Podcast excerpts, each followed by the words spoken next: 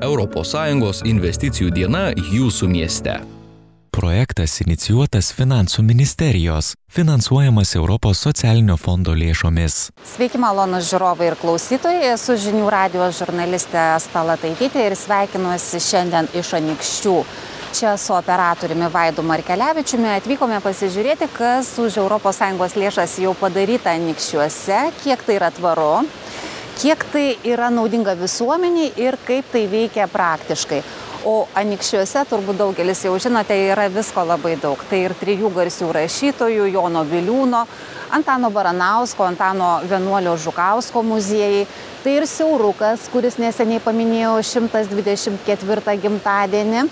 Tai Rogučių trasa, kuri veikia ir vasarą, ir žiemą. Tai ir aukščiausia bažnyčia Lietuvoje, bokštai iškilę į 79 m aukštį ir ten galima užlipti. Tai ir Arklio muziejus, žinoma, Puntuko akmuo ir šalia esantis medžių lajų takas kuriam iš ES anglaudos fondų lėšų buvo skirta pustrečio milijono eurų ir akivaizdu, tai, kad tai yra labai sėkminga investicija, nes lankytojų netrūksta nei žiemą, nei vasarą. O taip pat ES investicijų sulaukia labirintų parkas ir istorijų dvarelis. Juos dabar ir aplankykime.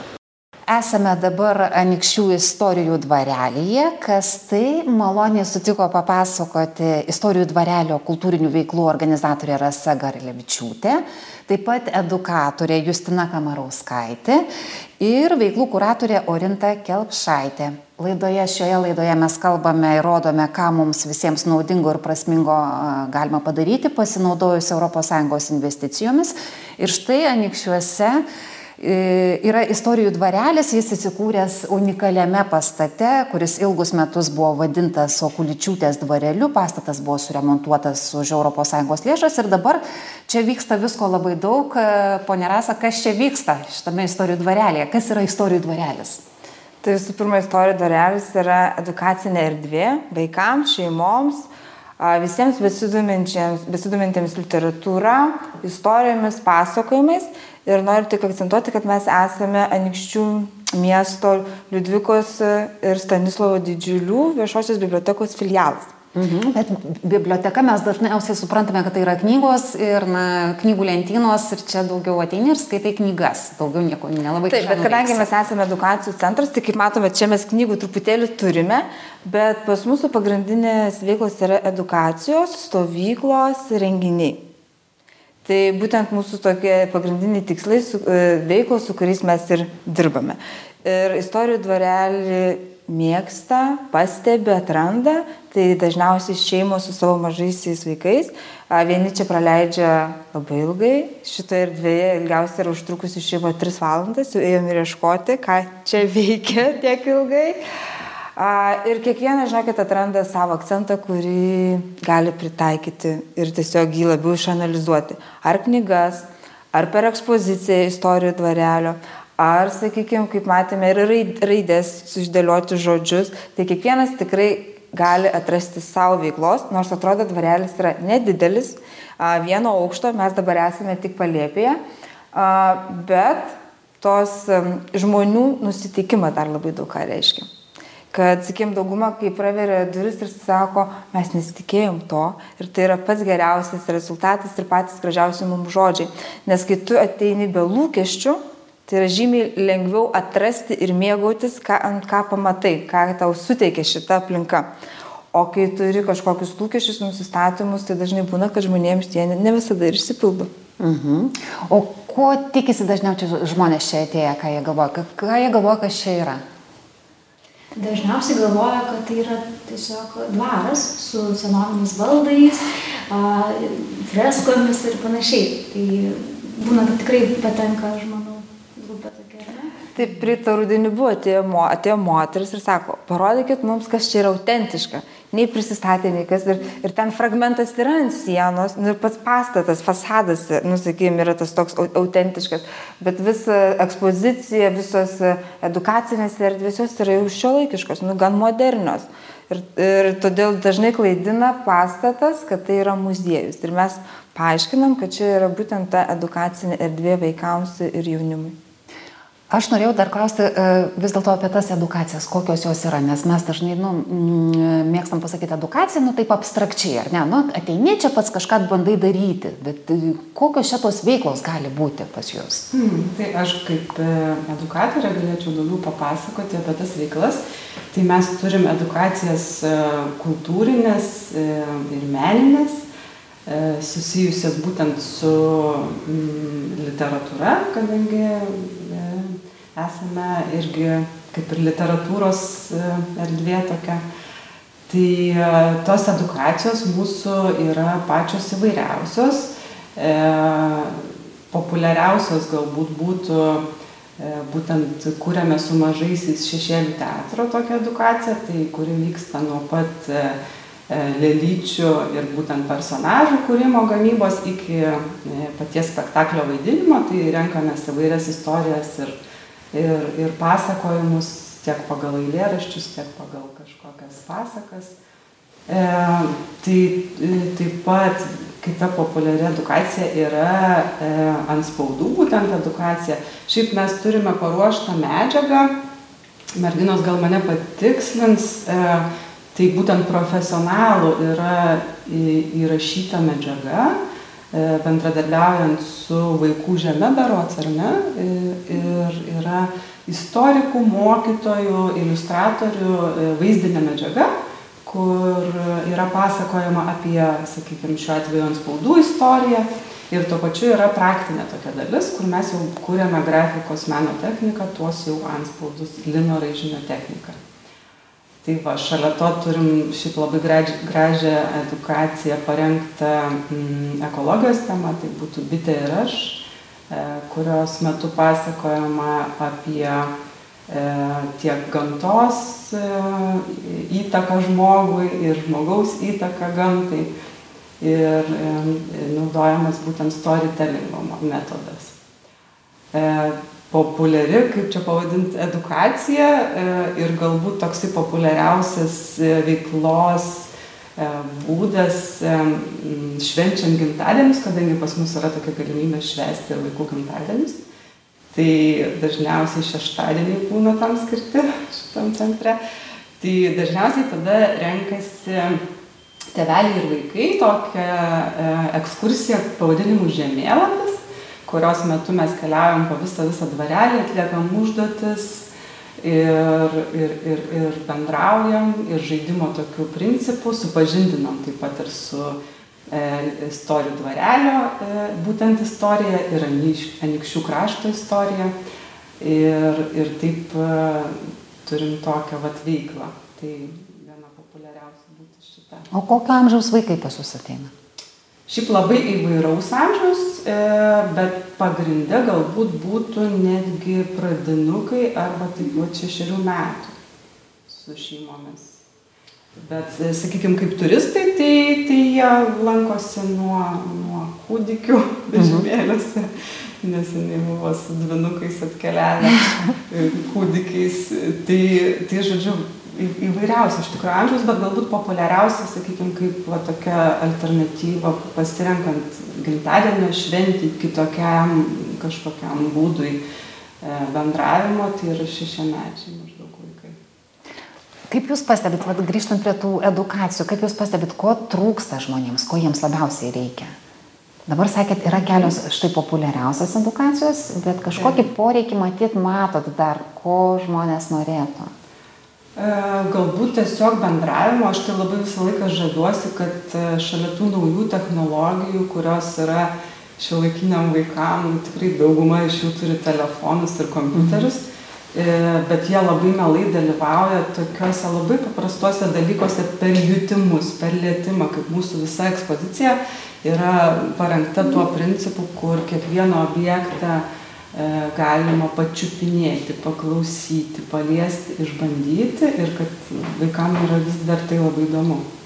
Nes matot, pasikeičia aplinka, pasikeičia erdvė ir iš tikrųjų ir labai yra gera, kai jam neprireikia to telefono, tos planšetės. Ir mūsų nėra ekspozicija, sakykime, būtent šitų išmaniųjų technologijų, nes tada gaunasi, kad nu, jis atsiveria tam tu atrodo paprastam potyriui, bet kartu gaunasi toks ir e, intimesnis, individualesnis. Nes kai klasė ateina, edukacija vyksta, sakykime, truputėlį kitaip, nes jau reikia dalytis dėmesį su 20 vaikų, o bet kai ateina šeima ar tas gimtadienis, tai vėl ir mes tą edukaciją pritaikome, sakykime, tam gimtadienio, nu, kaip sakom, šeimininkui, nes jeigu šešiametis berniukas ir mėgsta kažkokius ten personažus, tai stengiamės į žaidimus įtraukti, kad ten ar filmukas, ar knygos, ar žaidimai, personažai. Jeigu mergaitė vėl, ir pavyzdžiui, šį šeštadienį tai bus du gimtadieniai. Tai su gimtadienis taip, mūsų renkasi ir kas vaikams yra įdomu, kad tiesiog jie susirenka būtent toje erdvėje ir jie Mes jų nestabdom, nesakom, nečiupinėk, neliesk. Jie žino, kad gali visk, viską išbandyti. Ir triukšmas, žinokit, yra galingas. Nes po edukacijos tos būna, tada jie laisvai vaikšto, žaidžia, valgo ir tortą. Mm, paspaminim savo taisyklės, kad maistas yra tik prie stalo, žinoma. Bet žiūrint į juos, jiems net to torto nereikia. Kartais būna jis net nepaliestas, mamos ten vargsta su tais peragais visą kitą, bet jiems, žinokit, yra ta erdvė ir kad tas gaun, nu, gaunamas dėmesys. Nes visų pirma, mes esam trys vis, visiškai skirtingos ir vedam, nu, vien, kartais viena, kartais kita. Ir jie ateina ir sako, aš čia buvau, aš jau viską žinau. Ir kai būna, kai jis nustemba, kai kažkoks elementas, detalė būna nu, atnaujinta. Nes Anykščiai mažas miestas ir, sakėm, mus dažniausiai renkasi miesto gyventojai ir mamos jau mus žino, todėl tikrai mes tą būtent gimtadienio šventę norim vaikams sukurti, kad ji būtų įdomi. Mhm. Nebejotinai sulaukat e, labai daug vaikų grupių iš mokyklų, o kaip, sakykime, su pavieniai žmonėmis, su pavienėmis šeimomis, jos, jeigu norėtų pas jūs patekti į edukacijas, kaip čia elgtis, kaip pas jūs patekti jums? Mhm. Tai pastovę, e, pastovę tą ekspoziciją mes e, visą laiką turime ir priimame pavienius turistus. Galima taip eiti, taip, darbo valandomis užėjti. Be jokio užsiregistravimo, be jokios rezervacijos. Ir yra galimybė pasivaikščioti individualiai po istorijų dvarelį, patirinėjant, kiti mėgsta tą tokią e, truputėlį erdvę privačią, tai irgi gali laisvai vaikščioti ir pabūti, kiek tik tai nori. O kita galimybė su gido palydė pakeliauti, tai, tai kažkaip tikrai sulaukiam tų lankytojų, ypač aišku sezono metu. O, o taip pat jau yra grupės, vad būtent edukacijom, tai mes, sakykime, dviem žmonėm tos edukacijos nevedame. Tai būtent būna tada registruojasi, sakykime, ar, ar darželio grupė, ar mokyklos grupė ir nuo dešimt būtent asmenų mes jau tada e, rengiame pasirinktą edukaciją. Minėjot, kad turite keletą tokių erdvių, visos jos yra skirtingos. Taip. Tai galbūt dabar ir pasivaikštom po tas erdves ir pažiūrim, kas čia juose yra. Tai čia yra Nikščių salė, Ir čia vaikus supažindinam su svarbiais įvykiais, kurie įvyko anykščiuose. Tai čia yra, pavyzdžiui, laiko juosta. E, dažniausiai šioje vietoje yra žaidžiama su vaikais, jie bando atspėti, kas galėjo nutikti anykščiuose tam tikrų laikų ir tada, žodžiu, taip susipažindina. Yra du garsiniai kubai, tai čia garsiniuose kubuose galima išgirsti legendą apie šį dvarelį. E, ji yra sakoma tarmiškai, tai aukštaičių tarme. Tada yra personažų kaukės. E, vaikai prisidėję prie veido gali nusifotografuoti arba šiaip į save pasižiūrėti. Tai čia įvairios yra ir gali tapti ir karalium, ir princesė, ir pilotų. E, taip pat yra legendų knyga, mano kolega jau atveria. Labai didelė knyga. Kadangi anykščiai garsėja legendomis, tai dažniausiai um, mes pasakojam arba vaikai gali tiesiog paveikslėlių pagalba patys pabandyti, kas čia galėjo nutikti. Tai va, tai, tai įspūdį sukelia aišku jos dydis. Tai va. Ir dar labai yra malonu, kai vaikai patys pasako, mes jau čia buvom, tada jiems visiškai kitok, nu, kitokia emocija yra vartyti šitą knygą, kai buvo prie Pantuko ar prie Rubikio ežero, būtent prie Šeiminiškėlių piliakalnio, tada jiems jau asociacija yra visiškai kitokia. Taip, tai šitoje salėje, tai yra didžioji istorijų dvarelio salė ir čia mes supažindinam uh, su įstaigomis, nes šiame dvare buvo įsikūrusios įvairios įstaigos. Tai viskas prasideda nuo 1863 metų sukilimo. Turim tokį anspaudą, jis yra e, tikra kopija. E, istorikas e, Mindaugas Nefas jį tiesiog surado, atrado. Tai va, tai čia vaikai gali pasidaryti savo anspaudą, tiesiog e, pamirkyti yra šalia ir pasidaryti anspaudą. Tai visiems labai įdomu yra. Tai va, e, toliau čia buvo įsikūrusi antstolių kontora. Tai irgi antstolis vaikams paskambina ir, gali ją paklausyti.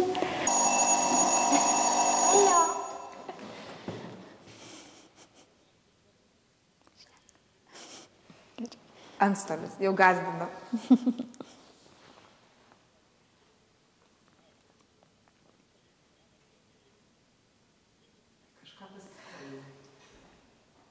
Jau turtą areštavo. Toliau buvo įsikūręs paštas e, ir čia mes turim tokius atvirlaiškius, kur irgi vaikai gali e, parašyti laišką, įmeta į dėžutę ir mes įsiunčiame. Tai va, tai svarbu žinoti savo adresą arba kam siunčiam. Toliau turime pušies kelmą, nes čia buvo kadaise įsikūrusi miškų urėdyje. Tai dažniausiai šioje vietoje su vaikais kalbame apie ekologiją, apie tai, kam mums reikalingi medžiai ir taip pat susijęs su literatūra, nes turim tokį diską su literatūriniais faktais ir uždėjus šį diską ant kelmo galime matyti pušies gimimo dieną ir kitus, e, kitas literatūrinės knygas, žodžiu, e, kada buvo parašytos ir kaip medis augo. Toliau buvo tokia, toks periodas, kai e, Antano, rašytojo Antano Vanuolio bičiuliai buvo vasarodavo šitame dvare. Tai čia yra tokia vasarotojo skrybelė, kurią gali vaikai pasimatuoti. Dažniausiai, jeigu būna klasės, tai jie čia bando rekordus, žodžiu, daryti, kas daugiausiai sutilps, kiek vaikų, tai visada yra kiek devyni, ar ne? Devyni vaikai sutilpa, tai jie bando ten visai labai stipriai ten dar daugiau tilpti. Toliau buvo įsikūrusios Vilnos dirbtuvės, tai čia turime tokį didžiulį milžino vašelį ir Vilnos ir vaikai yra mokomi nerti. Skirtukas, sakom. Paliečia Vilna, žinot, viskas per pojūčius bandom, tiesiog kaip, kaip jaučiasi viskas, tai, va, tai čia va, labai jau daug čia prinerta. Bet šiaip labai keista, nes šita vieta yra viena įdomesnių jiems. Taip, ir galiausiai dvaras buvo apleistas ir čia buvo tiesiog um, grūdų sandėlys. Tai čia turim tokias senovinės svarstyklės, galime pademonstruoti, jos kaip supinės atsisveria. turim vieną centnerį, tai yra 100 kg ir bando pasisverti, žodžiu, vaikai. Ar... Žodžiu, sveriam šimtą mes. Šimtas, taip. Ir galiausiai yra dar personažų, istorinių personažų senelė, tai čia gal nostalgija mums, kai turėjom popierinės lėlės ir, žodžiu, žaisdavom su jom. Tai čia irgi tokiu pat principu padaryta, kad reikia aprengti. Tai irgi arba rašytoja, knygnešė, bibliotekininkė arba dvarininkė. Bet vaikai rengia tikrai su džiugesiu ir mamos. Taip, rengia. dažniausiai, dažniausiai labai šio laikiškai rengės, Jonas visada būna toks, nors tada supažinom, kad XIX amžiaus Jonai buvo tokie, Tai va, tai tokių visokių. O jeigu nedagauja, tai pasima kopičias. Ir, pavyzdžiui, šeštadienį buvo mergytės keturių metų, tai jos intensyviai rengė šitas mūsų manikenus. Taip, tai čia yra toks kryžiažodis, e, kuriame galima rasti daug žodžių susijusių su šiuo dvaru. Tai netgi, va, pavyzdžiui, istorijų ir principas toks, kad yra baltųjų komanda ir, ir juodųjų komanda. Ir, žodžiu, kas greičiau suras, pavyzdžiui, kuo daugiau žodžių. Tai tokiu pat principu dėlioji ir šaiti. Tai mes pasiūlom komandom, pavyzdžiui, pralaimėjusi komanda nuperka ledų uh, laimėtojams. Arba dar kažkokį. Tai. Tiesiog, kad būtų daugiau azartų. O štai čia turime tokį legendinį rūsį, istorijų dvarelio paslaptingasis rūsys, e, saugo paslapti apie Okuličiūtę ir e, pasak legendų čia gyvena jos vaiduoklis. Tai į patį rūsį nepateksime, bet pro durise esančias skilutes galima pasižiūrėti ir paklausyti, patikrinti, ar tai tiesa ar legenda. E, įvairių būna, kaip sakant, poterių. E, dažnai vaikai, kai kurie išsigąsta ir ašar būna, o kiti priima kaip tiesiog e, Iššūkį. Netikrą, išgalvotą dalyką. Tai va, tai kviečiame tada e, visus pa, pa, patirti. Tai čia yra nikščių rašytojų palėpė. Ši erdvė įsiskiria tuo, kad kiekvienas rašytojas turi savo fotelį, tai ir jie yra filkti drabužiais, būtent to laikmečio, kaip rašytojas vilkose. Tai a, kaip matome, rašytojai yra pakankamai žaismingai pateikti, E, taip pat jų slapivardžiai yra parašyti, tai daugiausia kalbama apie šiuos rašytojus, kas ką žino, kuo jie išsiskyrė tuo laiku. Tai vad, tai tokiai trumpai. Ir šita, sakykime, erdvė patinka mūsų stovyklautojams, kai vyksta stovyklos. Tai čia jie ir pailsi, ir pažaidžia, ir tokias būna laisvesnės dirbtuvės būtent šitoje erdvėje tarp šitų iškilių nikščių krašto žmonių. Esam dabar šiek tiek už Anikščių, Skapiškių kaime. Čia įsikūręs e, labirintų parkas, kurį valdo įmonė Adovis. Ir su mumis yra Julija Zabelienė iš labirintų parko. Labadiena, Julija. Sveiki. Tai dabar papasakokit mums, kokių ES investicijų yra sulaukęs labirintų parkas. Taip pats labirintų parkas yra sulaukęs a, vietos veiklos grupės paramos ir yra dalyvavęs įgyvendina iki šiol dar projektą iš kaimo plėtros. Tai vietos veiklos grupės dėka labirintų parkas užaugo, modernizavosi. A, Vietos veiklos grupės paramos dėka mes įsigijom saulės elektrinę, tada susitvarkėme takus labirintų parko, a, įsigijome naują atrakcioną vandens mūšio valtelės, kurias galėsiu parodyti Būtinai. ir būtinai reikės išbandyti. Taip pat atsidarėme savitarnos kavinę ir ten pilnai įsigijome įrangą tai kaviniai modernę. Tai nemažai yra padaryta iš tiesų ir, a, sakykit, pasiteisino. Žinoma, kad pasiteisino, mes nenustojam aukti. Taip, dabar, jeigu dar kalbant apie tas ES investicijas, kaip galvojat, kur dar jums reikėtų na, kažko tokio, ką būtų galima patobulinti, pakeisti ar sukurti naują? A, tobulėti, pakeisti ir sukurti naują yra visada kur, nes a, pats įmonės vadovas yra visuomet kupinas idėjų. Tik tai tiek, kad a, tų idėjų įgyvendinimas priklauso nuo pajamų kiekio. Tai a, dėl to tos idėjos įgyvendinamos labai lietai arba kartais turi laukti savo eilės. Taip, dabar mes gal geriau praeisime per visus tos objektus, kurie yra labirintų parke, pasižiūrėsime vizualiai, kaip tai veikia, kaip tai atrodo, bet pirmiausia, objektas, prie kurio mes stovim, tai yra apverstas namas.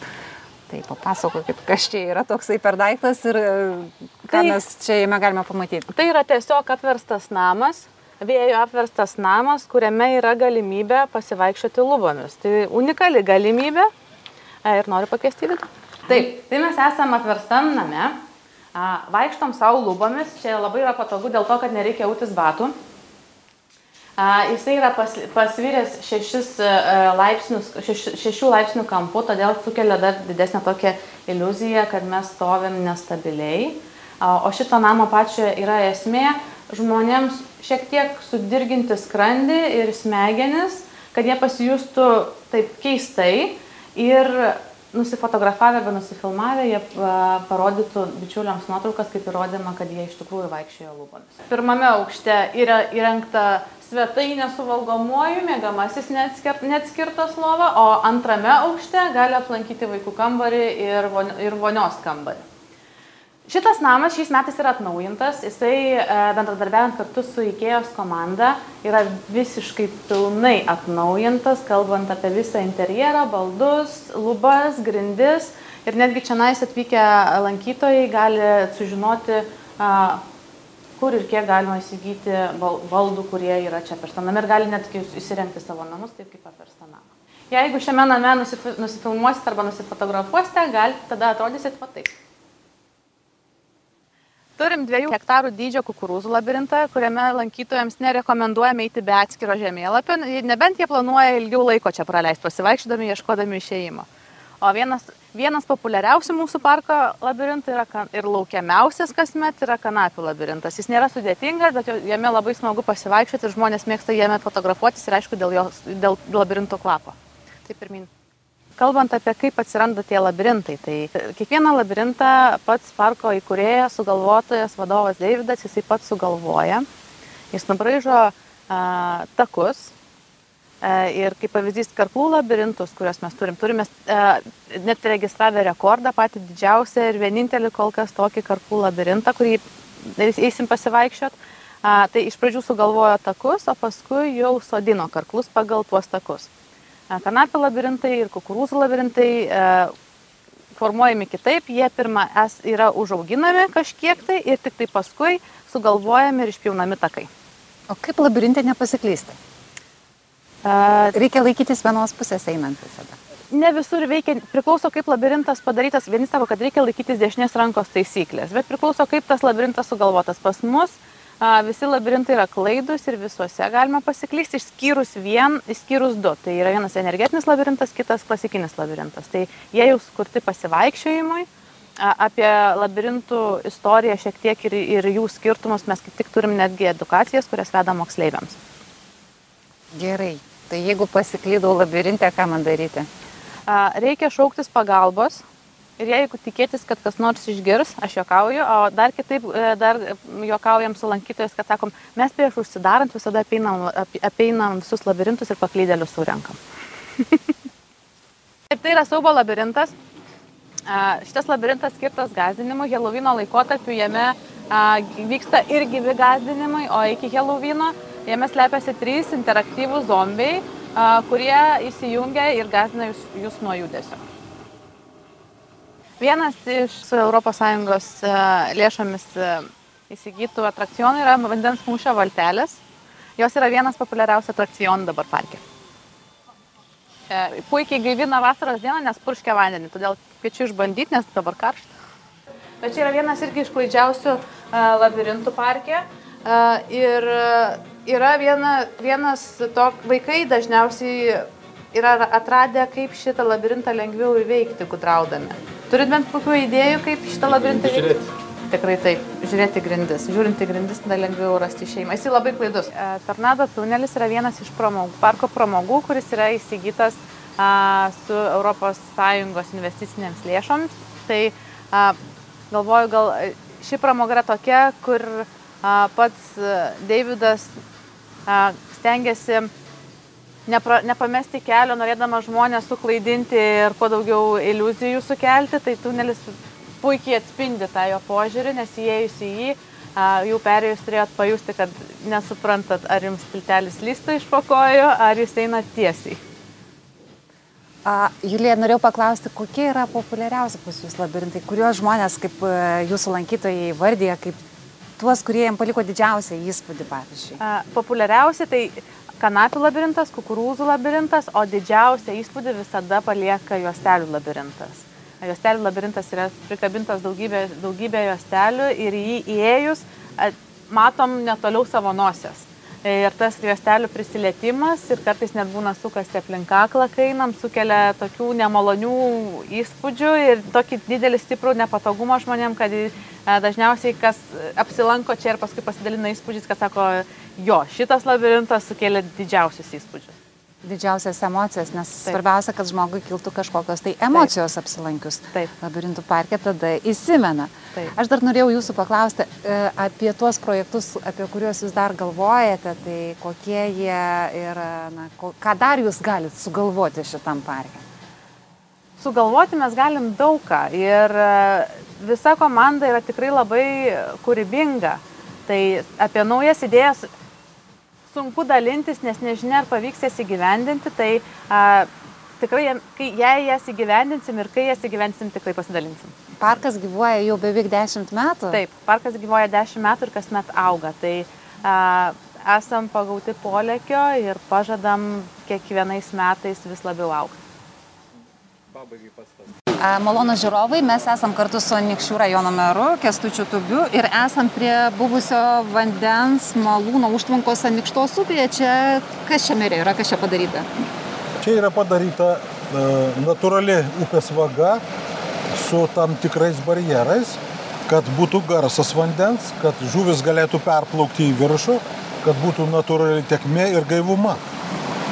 Ir tai yra padaryta už ES lėšas, tai mm, kaip tas projektas vyko ir kaip jūs sugalvojat, kad na, būtent čia reikėtų ES investicijų? Na, suprantama, gamtosauginiai projektai yra remiami ES ir norint pašalinti nenatūrales buvusias kliūtis, kur buvo gamybiniai pastatai, elektrinės, užtvankos, e, kurios šiaip yra kliūtis e, žuvims, gyvūnams, tai ir buvo padarytas šitas projektas ir atstatyta erdvė.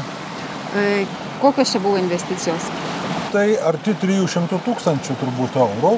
Čia investicijos yra, natūralu, šiek tiek yra aplinka pagražinta, pagerinta ir medžių pasodinta, ir žmonėm čia bus gana jauku, netgi šiuo metu, kai yra gana šilta, karšta, sakyčiau, mums čia dvelkia ma maloni visuma.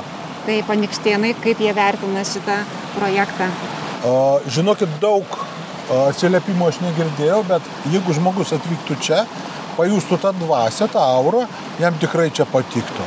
O po keletos metų, kai čia viskas labai naturalizuosis ir šitie lauko reduliai, ir e, sodmenės, tai tikrai bus labai jauku ir medžių lajos, kai sudarys vėsumą ir, ir pavėsį. Merė, o kas čia būdavo anksčiau, tada šita vieta jau kiek metų buvo neprižiūrima, jeigu taip galima. Čia buvo apleista teritorija, nesutvarkyta taip. teritorija, gana, sakykime, čia gana graudokai vaizdas atrodė, na ir natūralu sutvarkius šitą teritoriją vaizdas iš esmės pagerėjo, o svarbiausia tai, vat, kaip ir kalbėjau, žuvims Anikšta tai yra upelis, kuris nuo, nuo kurio ir anikščiai vadinasi, nes jis įteka į Šventosios upę, šitas upelis. Ir vat, e, yra menama, kad moteris, kurios vėlėjo drabužius ir užsigavo vėlėdama pirštą, sušuko, a, nikštys, jei nikštys skaudėja, tai va šito, reiškia, skausmo turi nebelikti.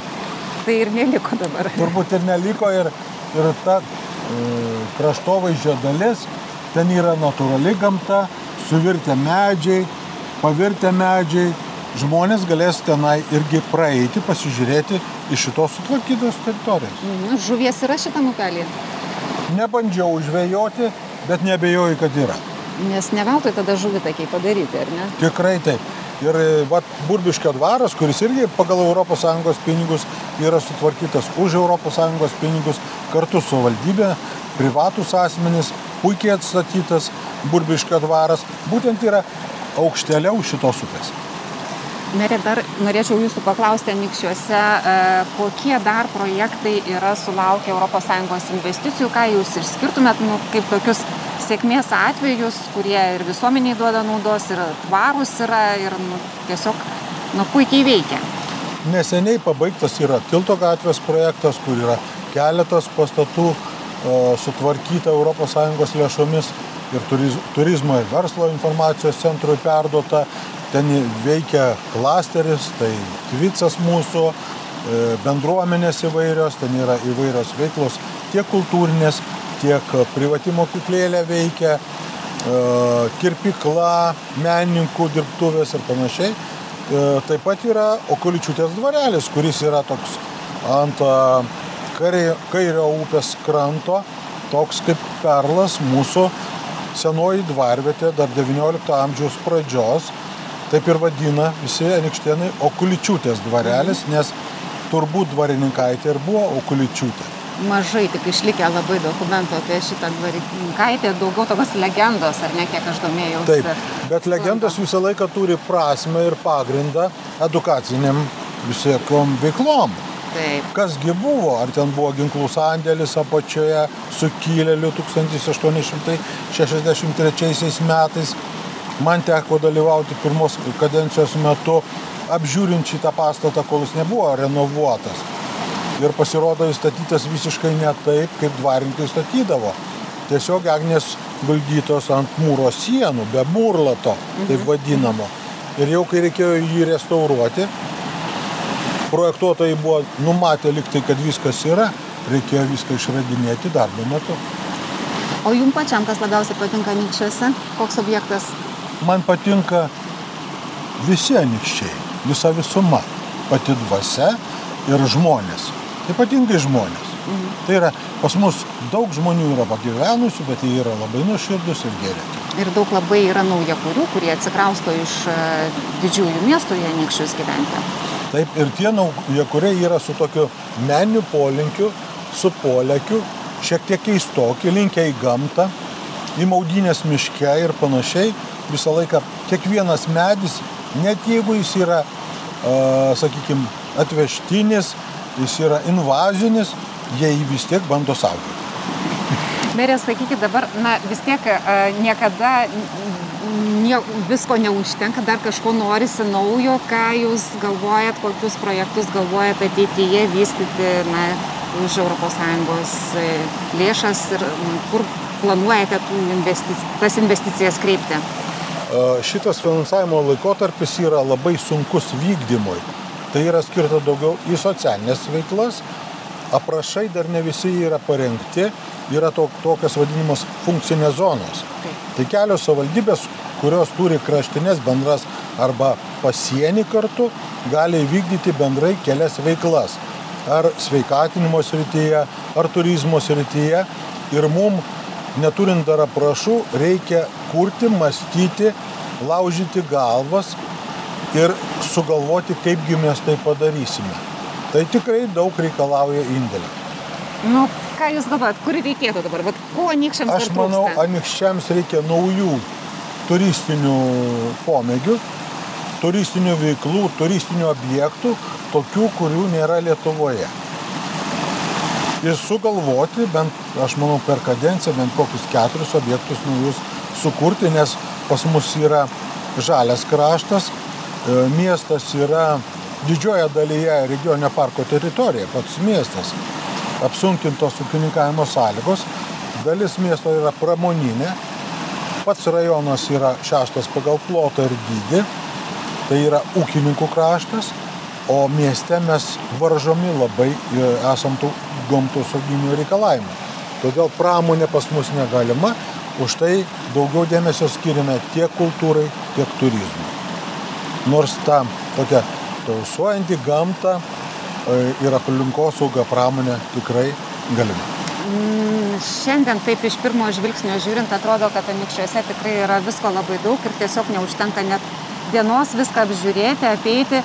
Bet na aš vis tiek grįžtu prie to klausimo. Kur jūs vat dėtumėt akcentą? Ko dar vat reikia jums sakot dar norėsit vat galvoti to ko nėra lietuvoj tai kas čia toks gali kas čia tai gali matot būti? jeigu mes pasakytume idėją ją kažkas kitas iš karto pasisavins tai mes pirmie linkę padaryti o paskui pasakyti štai padarėm aš prisimenu kai buvo atidarytas lajų takas kai mums trūko E, kavinių, restoranų, žmonėm, kur pavalgyti po 3 valandas stovėjo. Aš kaip buvęs policijos pareigūnas, sukviečiau visus kaimo turizmų sadybų savininkus, kavinių savininkus ir sakau, greitai darykit kavines, mes jums padėsim, greitai dokumentus sutvarkysim. Tai tada vietinė spauda parašė, jis dirba policiniais metodais. Bet visos kavinės, kurios atsidarė, jos ir dabar veikia. Jos šiuo metu veikia. Jos veikia ir puikiai, puikiai vykdo savo veiklą ir mes tikrai turim labai gerų patiekalų ir skaniai gaminančių vyrėjų, na, ką mūsų kaimynai nelabai gali pasigirti ir važiuoja, pavyzdžiui, ar papietauti, ar pavakarieniauti, pasivaikščioti į Anykščius, o ne į kitą miestą. Kągi labai dėkui Jums už pokalbį. Aš klausytėms pasakysiu, kad mes kalbėjome su Anikščių rajono meru Kestučiu Tubiu. Ačiū Jums. Tai buvo pirmoji laida iš ciklo ES investicijų diena jūsų mieste. Dar aplankysime ir kitus Lietuvos miestus bei rajonus. Kviesime kartu pasižvalgyti ir išgirsti, kokiu ES investicijų čia sulaukta ir kas už jas padaryta.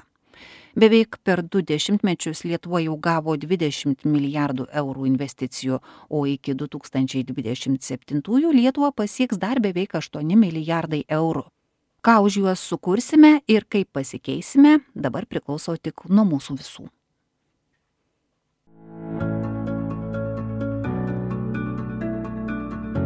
ES investicijų diena jūsų mieste. Projektas inicijuotas Finansų ministerijos, finansuojamas Europos socialinio fondo lėšomis.